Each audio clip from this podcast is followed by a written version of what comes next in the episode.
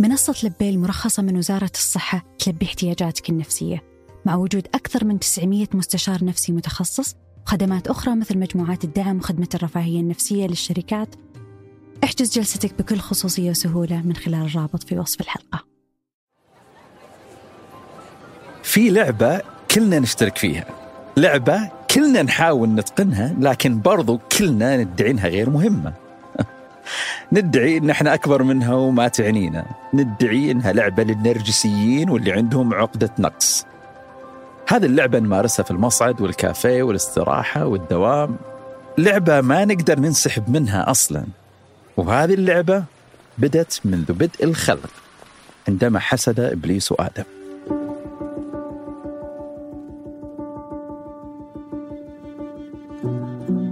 هذه لعبة المكانة. كيف نصنع لأنفسنا مكانة في المجتمع؟ مكانة حقيقية أو مكانة وهمية مزيفة؟ المهم أن إحنا نحظى بشعور المكانة. ممكن يكون طموحنا المكانة عالمية مثل لاعبين الكورة أو مكانة على مستوى العائلة والدوام والجامعة. باختصار المكانة هي منزلة الشخص اللي تعكس أهميته واحترام الناس له.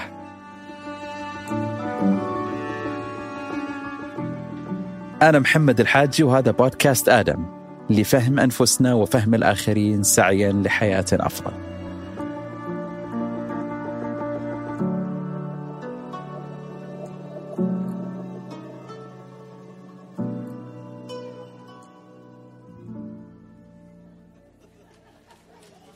حتى يستمر النسل البشري الإنسان عنده نزعة بأن ينجو ويتكاثر.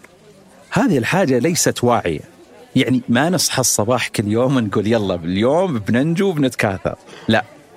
هذه الحاجة دفينة جدا عميقة جدا في التكوين البشري. هذه الحاجة هي أساس الكثير من مشاعرنا وتصرفاتنا كل يوم.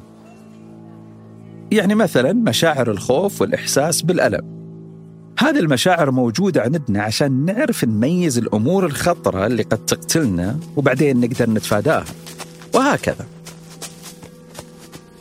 يعني لو ما كان عندنا إحساس بالألم ممكن حطينا أصابعنا في النار كل يوم. وهذا فعليا اللي يصير للمصابين باضطراب عدم الإحساس بالألم وهو اضطراب نادر جدا. المصابين بهذا الاضطراب غالبا يموتون أثناء الطفولة بسبب الإصابات وأغلبها الحرق. إذا السعي للنجاة هو سر بقاء الإنسان.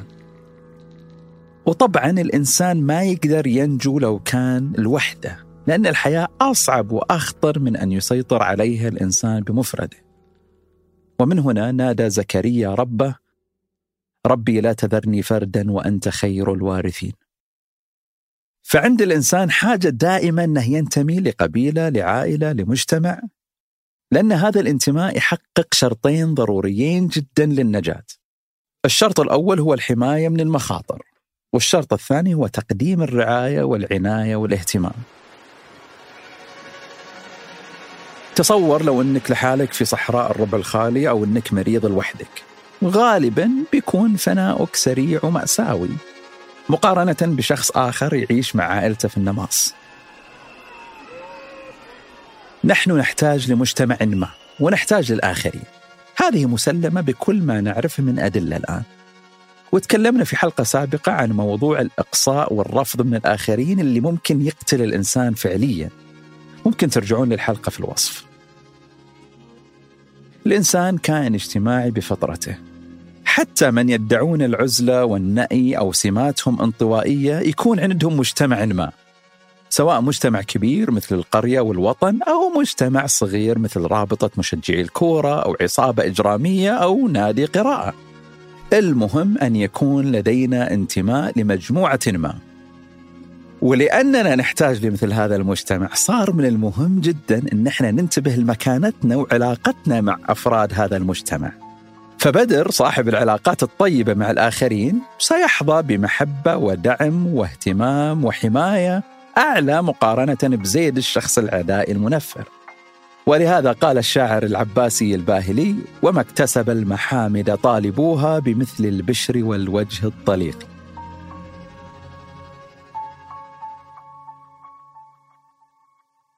بعد ما ينتمي الإنسان المجموعة وتكون عنده عضوية لهذا المجتمع تجي الحاجة للاحترام والمكانة داخل هذا المجتمع حتى يكسب المزيد من المنافع. ففي دراسة لأكثر من 150 مجتمع اتضح أن أصحاب المكانة الرفيعة ثرواتهم أعلى زيجاتهم أكثر حتى تغذية أطفالهم أفضل. وهذا مفهوم. فصاحب المكانة يحصل على امتيازات خاصة مقارنة بعموم الناس. صاحب المكانة عند الأولوية والأسبقية للفرص والموارد. نشوف هذا بشكل جلي جدا في كل مكان. في أحياء المدن والمطارات والمدارس حتى في مواقف السيارات والحفلات الخاصة. بل حتى الأدوية واللقاحات. أصحاب المكانة عندهم فرصة أكبر للحصول عليها.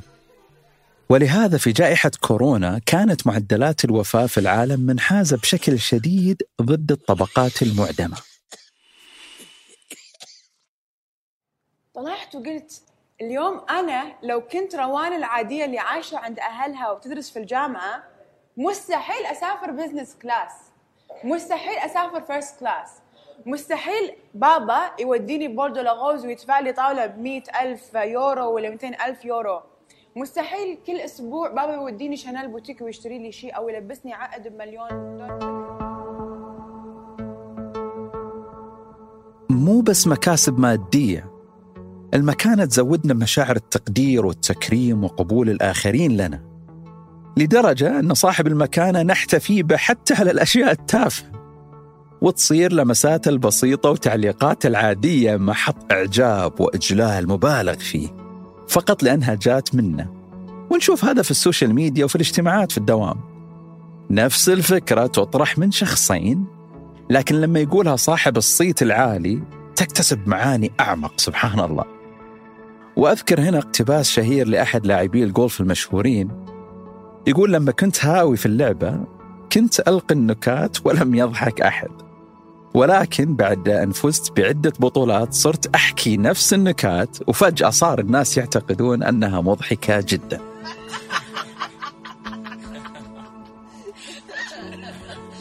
وفي صورة ذهنية عن صاحب المكانة نعتقد أنه صاحب كفاءة وشطارة حتى لو ما نعرف عنه أي معلومات غير مظهرة. ففي دراسة عرضت صور لأشخاص إما لابسين لبس فخم أو ناس لابسين لبس عادي. اعتقد المشاركون وقتها أن صاحب الهندام هو أعلى كفاءة في علمه وحياته فقط من الصورة. هذه نزعة طبيعية فينا وما تأخذ ترى أكثر من أجزاء من الثانية حتى نشكل انطباع وأحكام على الناس. يعني إحدى التجارب العلمية بينت أن الناس لو تصادف شخص يحتاج مساعدة في الشارع فأنها تميل لمساعدة صاحب الهندام أكثر من الشخص اللي ممكن يبدو عليه أنه من الطبقة المعدمة.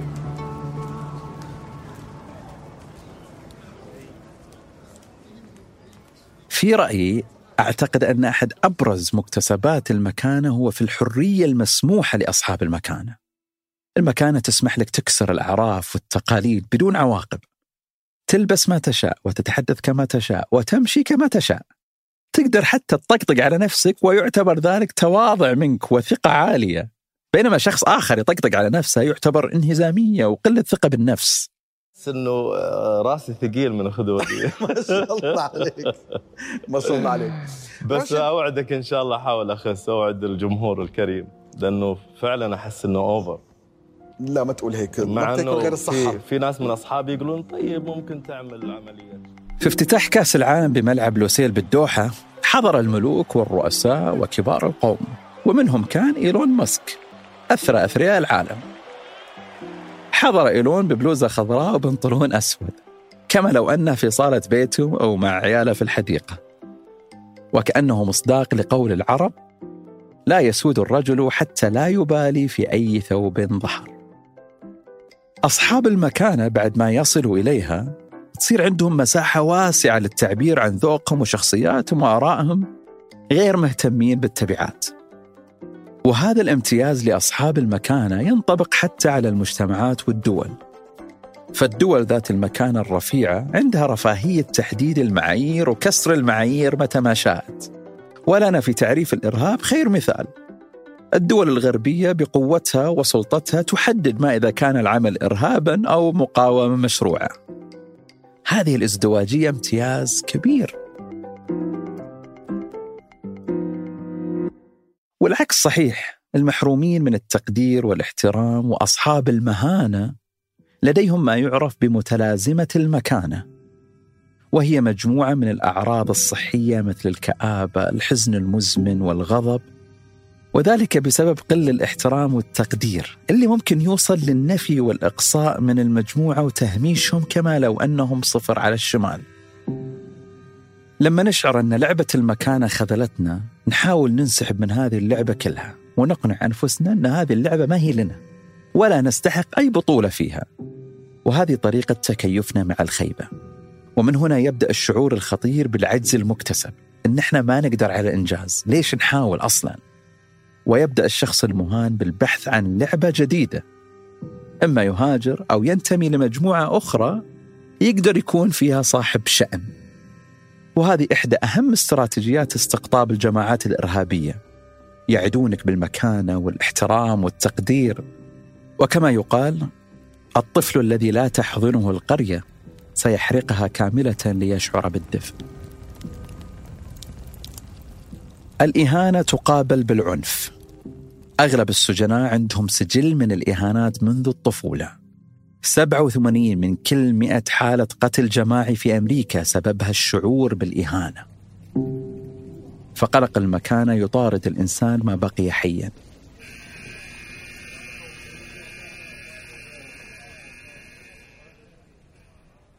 ولهذا أصبحت المكانة لعبة الحياة. وصار عند الإنسان ما يعرف بفطرة المكانة وهي رغبة العارمة والدفينة نحو الصيت والنجاح حتى بين الأنبياء كما في دعاء سليمان عليه السلام قال رب اغفر لي وهب لي ملكا لا ينبغي لأحد من بعدي إنك أنت الوهاب.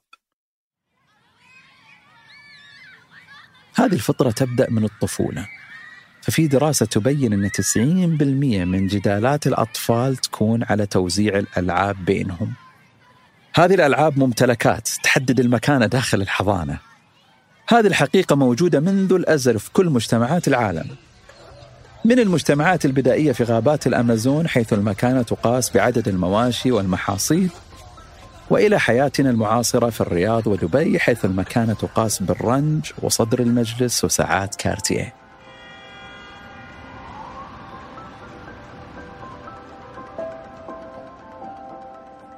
طيب كيف نقدر نفوز في لعبة المكانة؟ في ثلاث مسارات.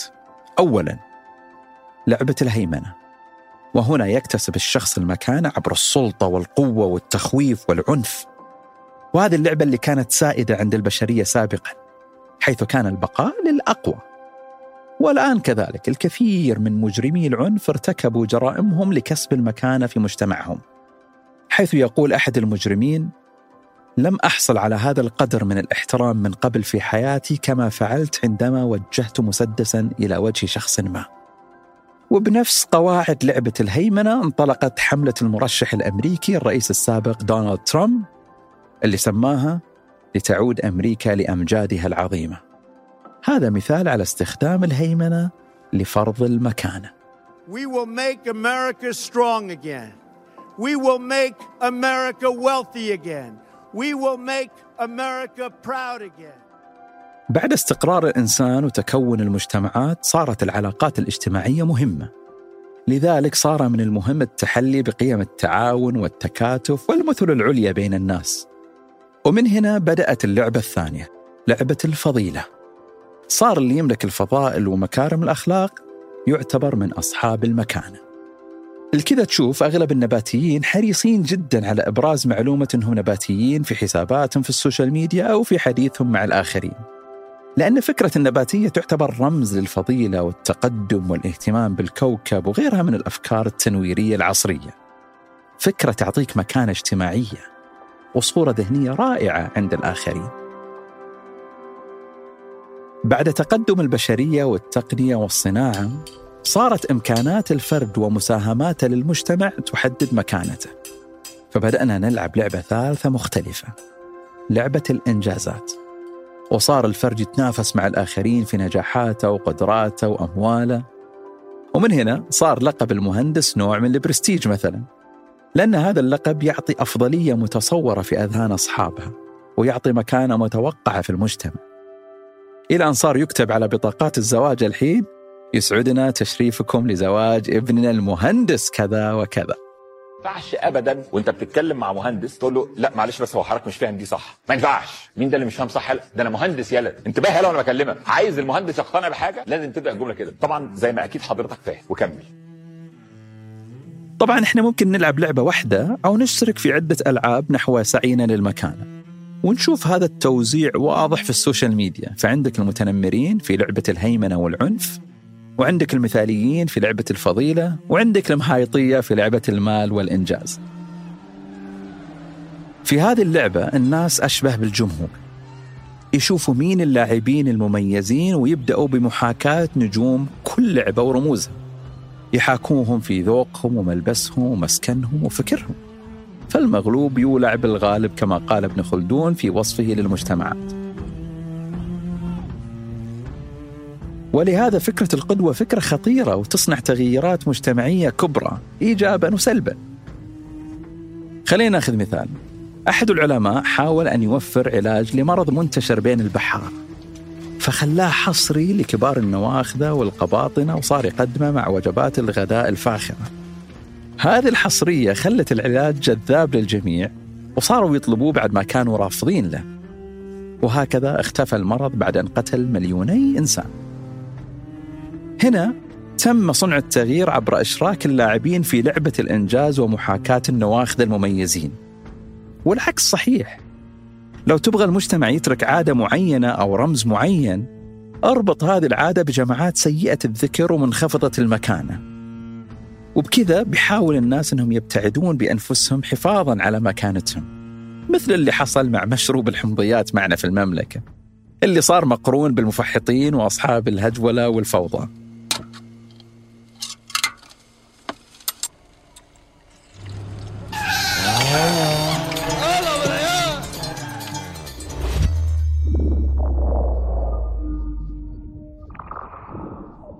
بما أن المكانة شيء يعطيك إياه المجتمع صار لازم تكون معنا أداة معينة تعكس مكانتنا للناس عشان يعرفونا ويعرفوا قدرنا ويسبغون علينا الامتيازات والمعاملة الرائعة.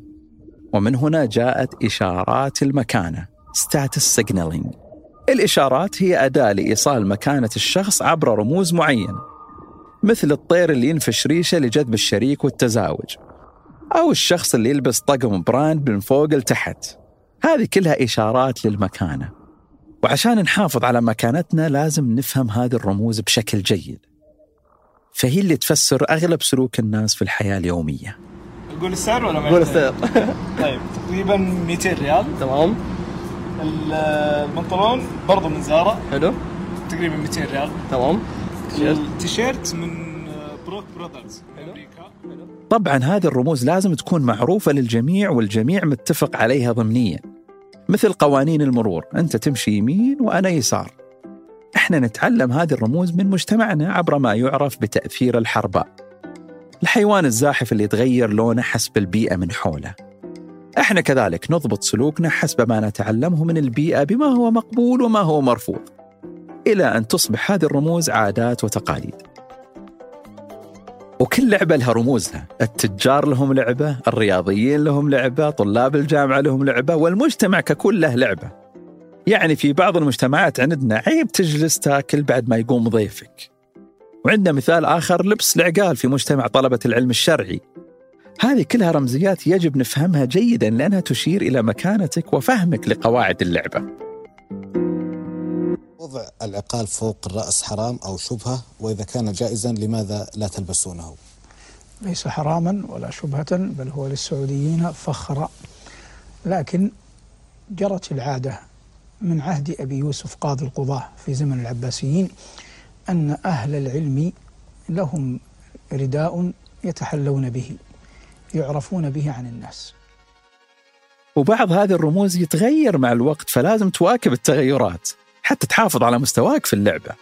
تذكرون سابقا السيارة اللي فيها تليفون كانت قمة الفشخرة. الآن تخيل لو أحد يتباهى بتليفون في سيارته. الرموز تتغير أحيانا لأسباب أخرى. إذا انتشر الرمز بين الناس من مكانة أقل يقوم النخب بتحوير وتغيير رموزهم لأنها أصبحت سهلة ومتاحة للعموم. مثل اللي حصل مع بيربري انتشرت نقشتهم الشهيرة في أسواق التقليد فصارت الشركة تسحب رخصة التصنيع من الكثير من التجار حتى لا يفقد شعارهم ونقشتهم بريقها المعروف. وكل ما صار الرمز متاح للجميع بسهولة فقد قيمته أسرع مثل شهادة البكالوريوس.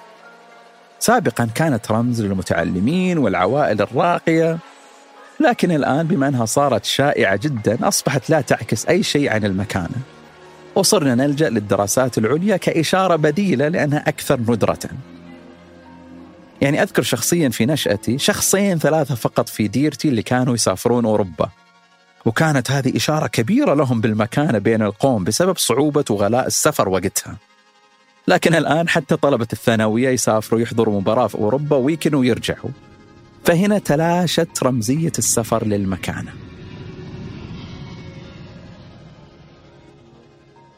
فعشان تكون الإشارة رمز للمكانة لابد تكون تكلفتها عالية حتى تحمل معنى. ال signaling cost يجب أن يكون عالي. مثل الفرق بين ساعة رولكس وساعة أبل. رولكس كلفتها عالية فما زالت ترمز للمكانة. لكن ساعة أبل ورغم أنها شائعة حتى بين الوزراء لكنها انتشرت بين عموم الناس. لذلك لا تعكس مكانة صاحبها بالضرورة.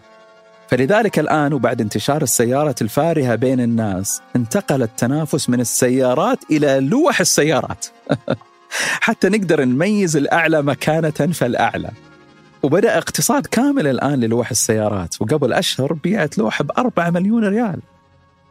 حرب أربع وحدات فتح مزاد 500 ريال. 5000 5000 ريال. 10000 20000 30000 50000 كلما علت تكلفة الرمزية كلما صارت إشارة المكانة أقوى وأثبت. فمن يريد أن يعكس مكانته ينبغي أن ينتقي إشاراته بعناية.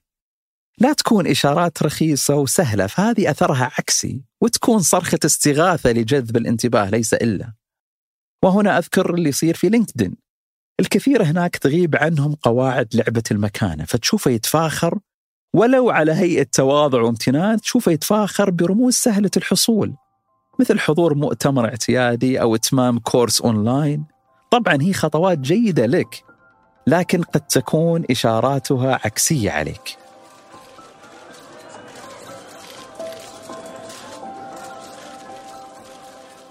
فكرة تكلفة الإشارة تنطبق حتى على السلوك والتصرفات والمواقف.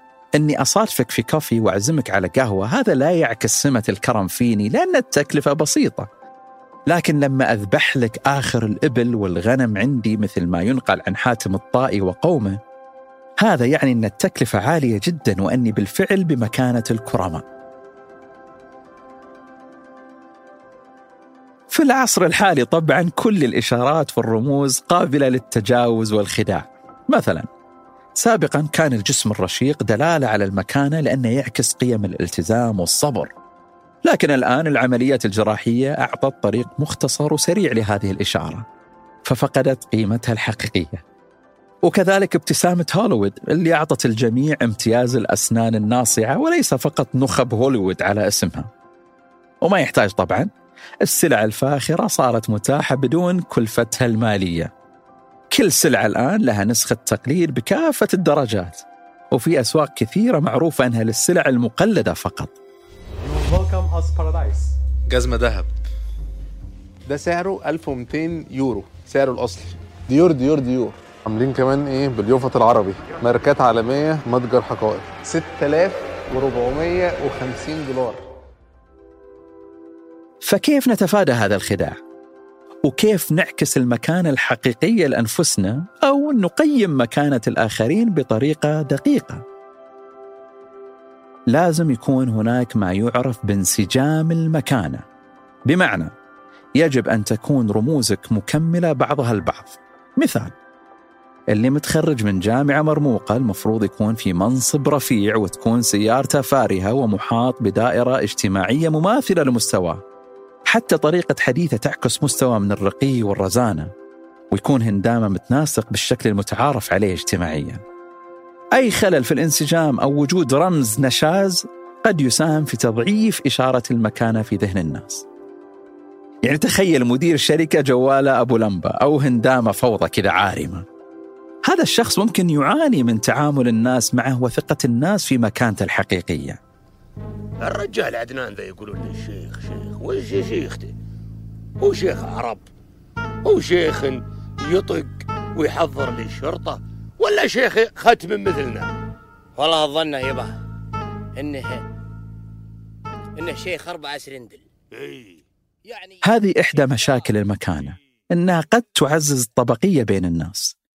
لأن مهما حاولت أنك تصعد بنفسك وتتفوق و و و قد يكون نظامك الكامل ونشأتك ليست منسجمة مع المكانة الجديدة حتى لهجتك أحيانا تصنف أنها ثانوية في أذهان الناس. فبالتالي بتكون شخص غير مؤهل بما فيه الكفاية أو لك مكانة درجة ثانية في أعين الآخرين. الحساوي والشخص اللي من القطيف يحاول أن يتهرب عن لهجته إذا جاء الرياض هذا معلوم وأنا أتحدث معهم بشكل دائم. فأنا أقول ليه هالتملص البسيط هذا وعدم تملص صاحب اللهجة النهجدية من اللهجة النجدية في شيء يسمونه prestigious dialect اللي هو اللهجة الفخمة. اللهجة الفخمة تخدم. الكل يقول لك ادخر بس قليل اللي يجيب لك طريقة عملية للادخار. مع تطبيق سيركليز تقدر تنضم لجمعية شهرية مالية آمنة وموثوقة وتختار الدور اللي يناسبك. أعرف أكثر من الرابط في وصف الحلقة.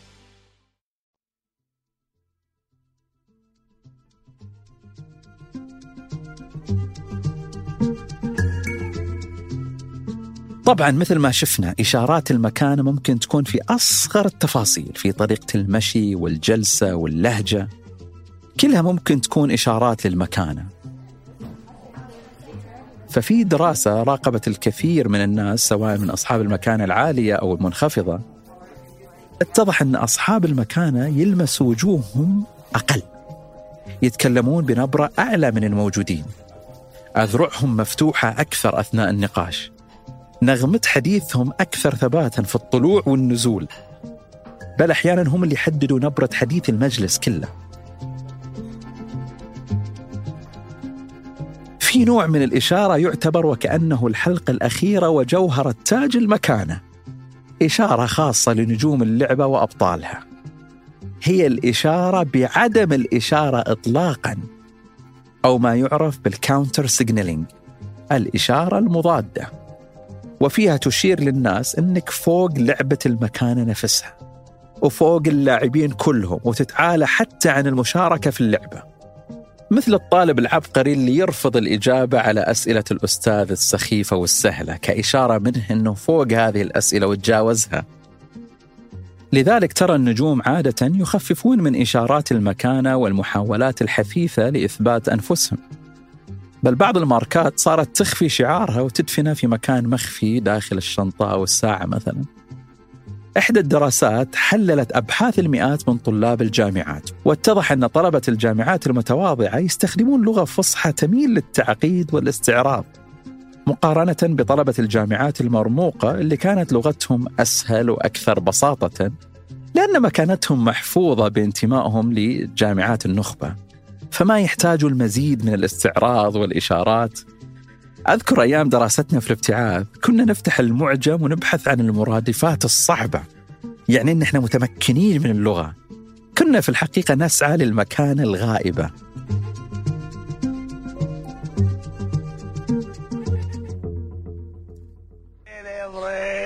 الله الله الله الله الله الله Excuse me, where's my house? Where's my house?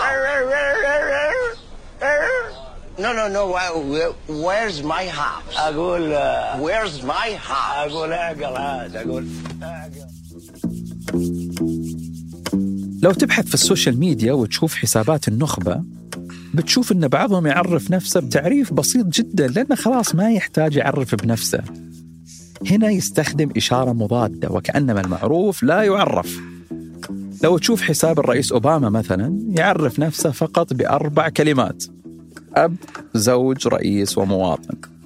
أو تشوف حساب ناصر القصبي مثلا تارك ال bio فاضي تماما. هنا مثال آخر للأكاديمي السعودي الشهير الدكتور عبد الله الغذامي في استخدامه للإشارة المضادة. لم يضع يوم واحد من خبرتي العلمية. ترقيت وأخذت بروفيسور. والله لا تعني لي شيء. وأسوأ لقب يقال لي لما يقال لي الدكتور. ما أحلى لا تقول عبد الله يا أبو غادة ما أحلاها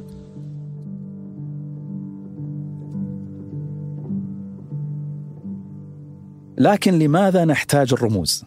ليش ما نقول ونعبر عن مكانتنا للآخرين بصراحة؟ أنت ما بتعرف أنا مين؟ أو بيجي واحد تاني بيقول لك لا تكون مفكر حالك زيي. أو بيجي واحد تاني بيقول لك أنا بمصاري بشتريك وبشتري عشرة زيك. أو بيجي واحد بيقول لك يا أخي أنا وياك بجملة واحدة ما تحطني. تخيل تمشي وتتكلم عن رصيدك البنكي للناس. نفس الاشمئزاز بيصير لو كنت تمشي وتدعي المكانة لنفسك. هذا السلوك بحد ذاته يقلل من المكانة لأن في انعدام للذوق والكياسة. الإنسان عنده نزعة هجومية ضد المتفاخرين والمختالين والنرجسيين لأن في ذلك شعور بغياب العدالة وتذكير ببؤس الحال لدى الآخرين. إحدى الدراسات عرضت صور لشخصيات مشهورة على مشاركين وتم تصوير الدماغ أثناء رؤية الصور. في قصص نجاح النجوم تفعلت في دماغ المشاركين منطقة الألم. بينما تفعلت فيهم منطقة المكافأة لما قرأوا عن معاناة هؤلاء النخب. وهذا يفسر الكثير من حالات الغضب الجماعي ضد مشاهير شبكات التواصل. فيها سلوى للذات في الكثير من الأحيان.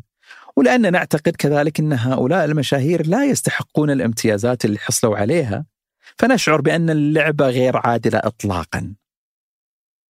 فلأننا ما نقدر نصرح بمكانتنا الرموز والإشارات بتحل لنا هذه المشكلة. ولكن هناك مفهوم مهم جدا جدا حول الإشارة للمكانة. راح أسميه الإشارات المدفونة. ينبغي أن تقدم الإشارات بشكل سلس خفيف ضمني. إحنا نسميه الحين من وراء تريلات وليس بصراحة وبجاحة. كلما ازداد إزعاج الإشارة قلت المكانة. مثال. ففي دراسة على حقائب جوتشي ولو فيتون اتضح أن كل ما كبر الشعار قل سعر الحقيبة بما يعادل 120 دولار. لأننا نبغض المتفاخرين إحنا نلجأ للرموز خاصة الرموز المادية اللي أصبحت مقترنة اقتران كبير بالمكانة. وهذه تعرف بالسلع الفبلنية. هذه السلع يزداد الإقبال عليها كل ما زاد سعرها. حتى صارت معنا ظاهرة تعرف بالاستهلاك التفاخري. وهو التسوق لأجل التفاخر والمكانة بغض النظر عن الأسعار وأنك ما تحتاجها. فالغرض من هذه السلع هو غرض اجتماعي بحت.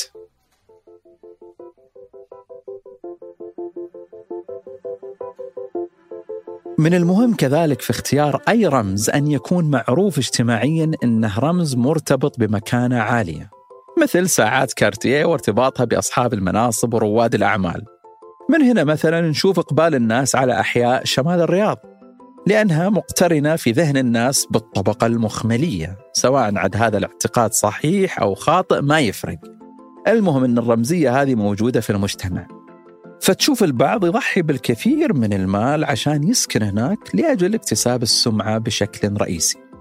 وإلا لو كان التفكير منطقي وعملي بنشوف كثير ناس عندهم بدائل أكثر منطقية من هذه الاحياء. وطبعا هذا الخيار مو بالضرورة خطأ لأن السمعة هنا وهي رأس مال اجتماعي ممكن تفتح لك أبواب وفرص أخرى وتحولها لرأس مال اقتصادي مثلا. يمديك تعرف الواحد من طريقته من لبسه من تعرف وين ساكن فيه يعني مثلا أهل شمال الرياض ترتيب لا وكل سواليفه في البيت بشهر ميلادي ما بيجري. أغسطس فبراير يناير يوليو طوكيو. ويعرفون متى يسافرون. ترى أغسطس لندن جوها فظيع فظيع مرة. أغسطس ومارس ال social media غيرت قواعد اللعبة لمستوى آخر تماما. سابقا كانت منافسة المكانه على مضمار الحارة والمجتمع المحلي فقط. لكن الآن أصبحت المكانة سباق عالمي 24 ساعة في اليوم. وأصبحت المكانة قابلة للقياس وللتضخم أكثر من أي وقت مضى. من خلال عدد المتابعين وال retweet واللايكات اللي تعكس قوة التأثير اللي هو أهم مكتسبات المكانة مين ما يبغى يكسب الصيت والمكانة بضغطة زر للملايين؟ طبعا مو الكل يوفق في هذه العملية الحساسة لأنها تتطلب ذكاء اجتماعي عالي وفهم لقواعد لعبة المكانة بشكل دقيق. فالكذا تطلع مقاطع كرنج غريبة وشاذة ومحرجة. موضوعنا الدباب حقي. رحت للورشة قالوا لي ما راح يخلص لا بعد أسبوع ولا بعد أسبوعين ولا بعد ثلاث. يعني هذا غرفة ال makeup okay؟ اطل على شنو؟ اطل على هذا كله. اطل على المسبح بفلوسي قاعدة أسافر. بفلوسي قاعدة أتمشى. بفلوسي اللهم لك الحمد. وبالطبع مع ال social media صار خداع المكانة أسهل من أي وقت مضى ابتداء بفلاتر التجميل وإلى الصور المصطنعة. يعني الآن في شركات تحجز لك جلسة تصوير وعشاء في طائرة خاصة حتى تنشر للمتابعين بزعم أنك من أصحاب الجاه والمال. أنا عندي خوي يحب الأثرياء ويموت في سواليفهم. وحركاته حركات أثرياء. هو ما هو ثري بس حركاته حركات أثرياء. وحتى صوره في Snap كلها Pinterest. إحنا نعرف إنه مو هو أخويا نعرف إنه مو هو بس هو فاشخهم Pinterest على إنه هو. اللي صقر في كوب قهوة بجنبه. ما هو نعرفه. ولأننا نعيش في شبكات التواصل مع أجانب وغرباء صرنا نحتاج نظهر رمزيات المكانة بشكل مستمر ويومي حتى نثبت لهؤلاء الأجانب مين إحنا وقديش رتبتنا في المكانة. الكذا جرعات التفاخر متضخمة جدا في فضاء شبكات التواصل. تعالي. والله العظيم إني جبت لك سياره قسما بالله. أنا خلاص قررت أسوي حتى فستان عرسي من فلوس.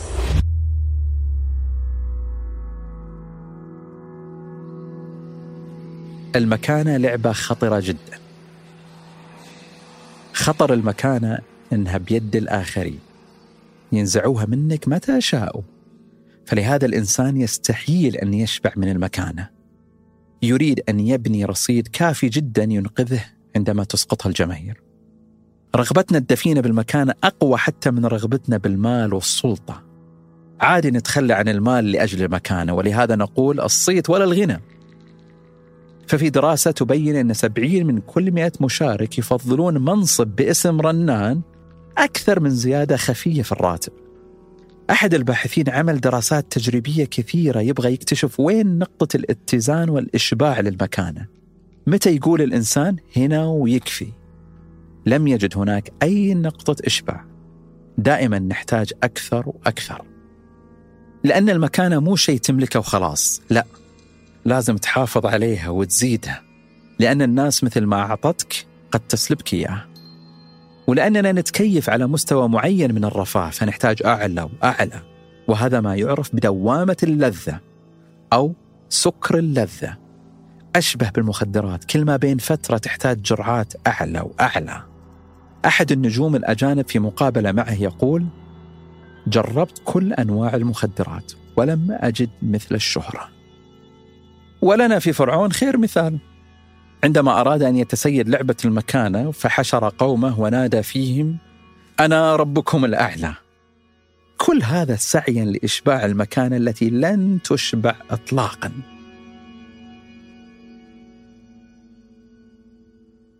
المرعب في موضوع المكانة إنها دائما نسبية وتعتمد على محيطك مو عليك أنت. في مكان معين بتكون أنت رقم واحد. بينما في مكان آخر بعد دقائق فقط تنخفض مرتبتك مقارنة بالموجودين. أنت دكتور في الجامعة. رقمك واحد. تدخل بيت أهلك. أنت رقمك حسب ترتيبك في أخوانك. ما تقول والله لا قدموني ولا ما هذا ولا ما ذا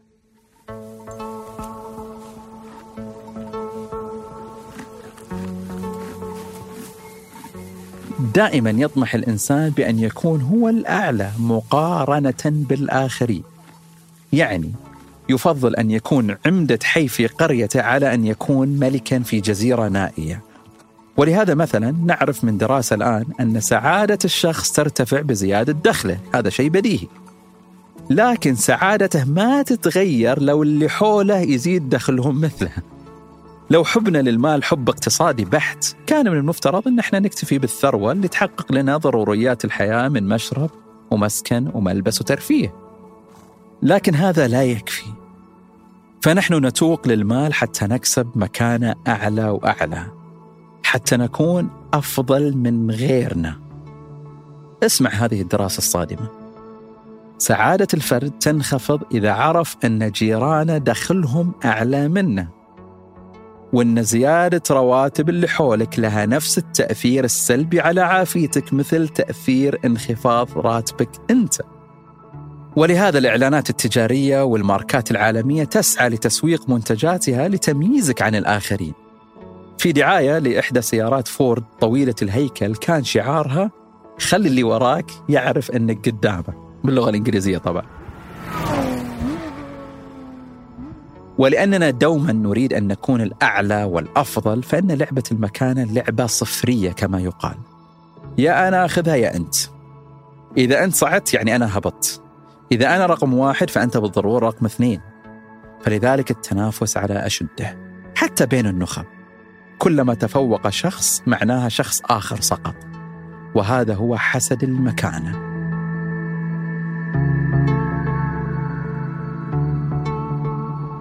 طبعا المقارنة والحسد بين الناس المتشابهين والأقران أشد لأنها تحدث في نفس المضمار وكأنها سباق فعلي على ميدالية ذهبية واحدة. وكما قال ابن عباس: لا تقبلوا قول الفقهاء بعضهم على بعض فإنهم يتغايرون. بل هذا الحسد يمتد لداخل البيت الواحد.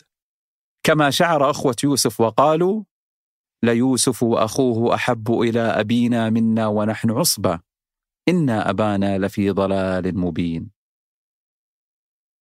يعني كفاية ظلم انظلمنا في أشياء كثيرة قبل في الرياضة حتى إشارة الكابتنية كنا أحق وعلي داود أخذها مننا. ضربني أنا والثنيان وأعطاها فؤاد أنور وخالد مسعد. إحنا الأقدم وإحنا الأفضل وإحنا الأكثر شعبية ذيك الوقت. تحطيم نفسيا تحطيم. ترفع من معنويات آخرين وتحطم آخرين. عشان النصر والهلال. هذا الصراع خالد ما بقي الإنسان. لن يتوقف. وكما يقال لا يخلو جسد من حسد. لكن الكريم يخفيه واللئيم يبديه.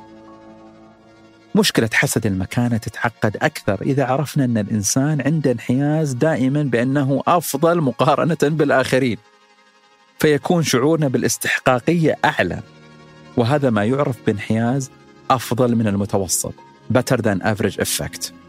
مثال 65 من كل 100 شخص يظنوا أنهم أذكى من الباقي. 90 من كل 100 دكتور بالجامعة يظنوا أنهم أفضل من زملائهم. وهكذا. فبالتالي سنشعر دوما بالمظلومية وبالظمأ للمزيد من المكانه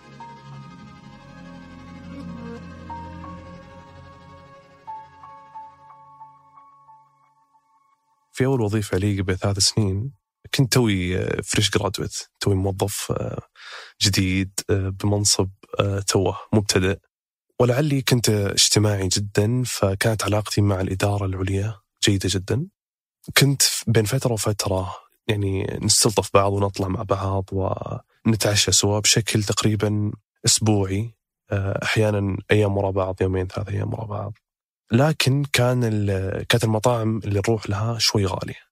الإدارة العليا تعرفون يعني رواتبهم تكون أعلى من يعني أعلى من راتب واحد fresh graduate. فكانت المطاعم نروح لها فواتيرها ما بين 400 500 600 ريال. وكانت تفوق يعني صراحة ال budget اللي عندي أو المبلغ اللي عندي آه، ممكن أصرفه بشكل شهري. فبعد فترة اضطريت إني أنسحب من الطلعات هذه بسبب آه، إني أنا انحرج سواء آه، كانت الفواتير عالية أو أحيانا أضطر إني أنا أعزمهم لأنهم أحيانا يعزموني. فبس اضطريت إني أنا أنسحب وأطلع مع الشباب اللي ممكن يكونون بنفس المستوى أو نفس المناصب. حتى نتوافق في نفس المطاعم ولا ما كان نروح لها.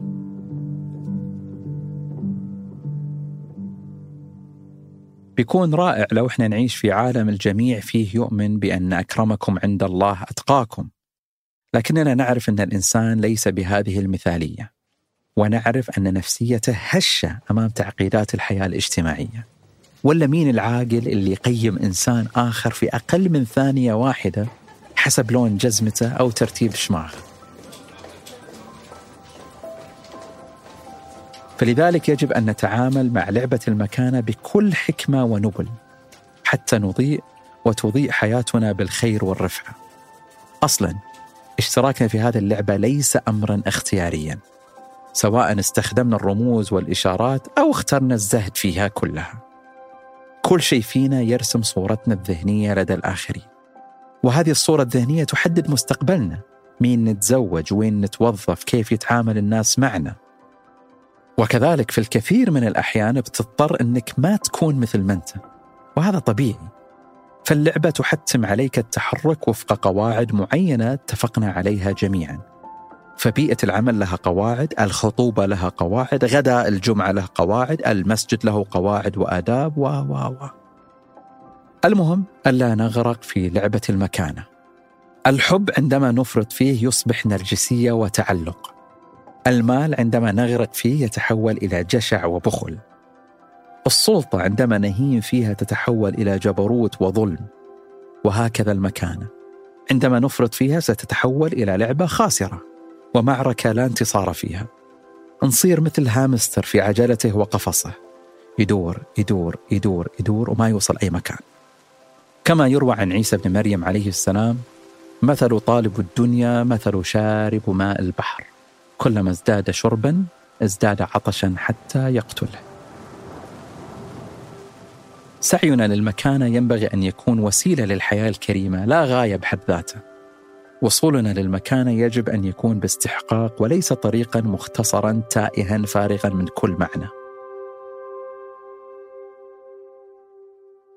يذكر ماثيو بيري ممثل Friends الأمريكي الشهير الذي وجدوا جثته غارقا وحيدا في قصره البهي قبل فترة. يذكر في كتابه لقد مثلت في أكثر المسلسلات مشاهدة وأقل المسلسلات مشاهدة وحصلت على المال والشهرة التي كنت أسعى لها. وإلى الآن لم أجد ما يملأ الفراغ الذي بداخلي. ولو كان الأمر بيدي لاستبدلت حياتي بحياة الشخص الذي يعمل في محطة البنزين القريبة من بيتي.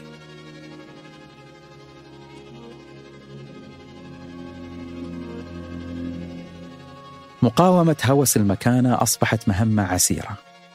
فشبكات التواصل ضخمت من قلق المكانة.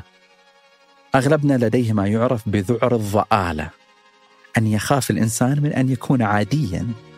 الحياة العادية أصبحت مرفوضة. وأي شيء لا يحاكي النجوم في رفعته أصبح دون المأمول. عوائل تفرقت وعلاقات انتهت وخواطر كثير كسرت في سعي أهلها للمكانة. احترقوا في مصيدة المكانة وغرقوا في أمواج المقارنات. لعبوا ألعابا لا تشبههم لا هم ينتمون لها ولا اللعبة تحترم المتطفلين عليها. فالحكيم من حمى نفسه من بريق المكانة. الذي يخطف الأبصار ويعمي القلوب.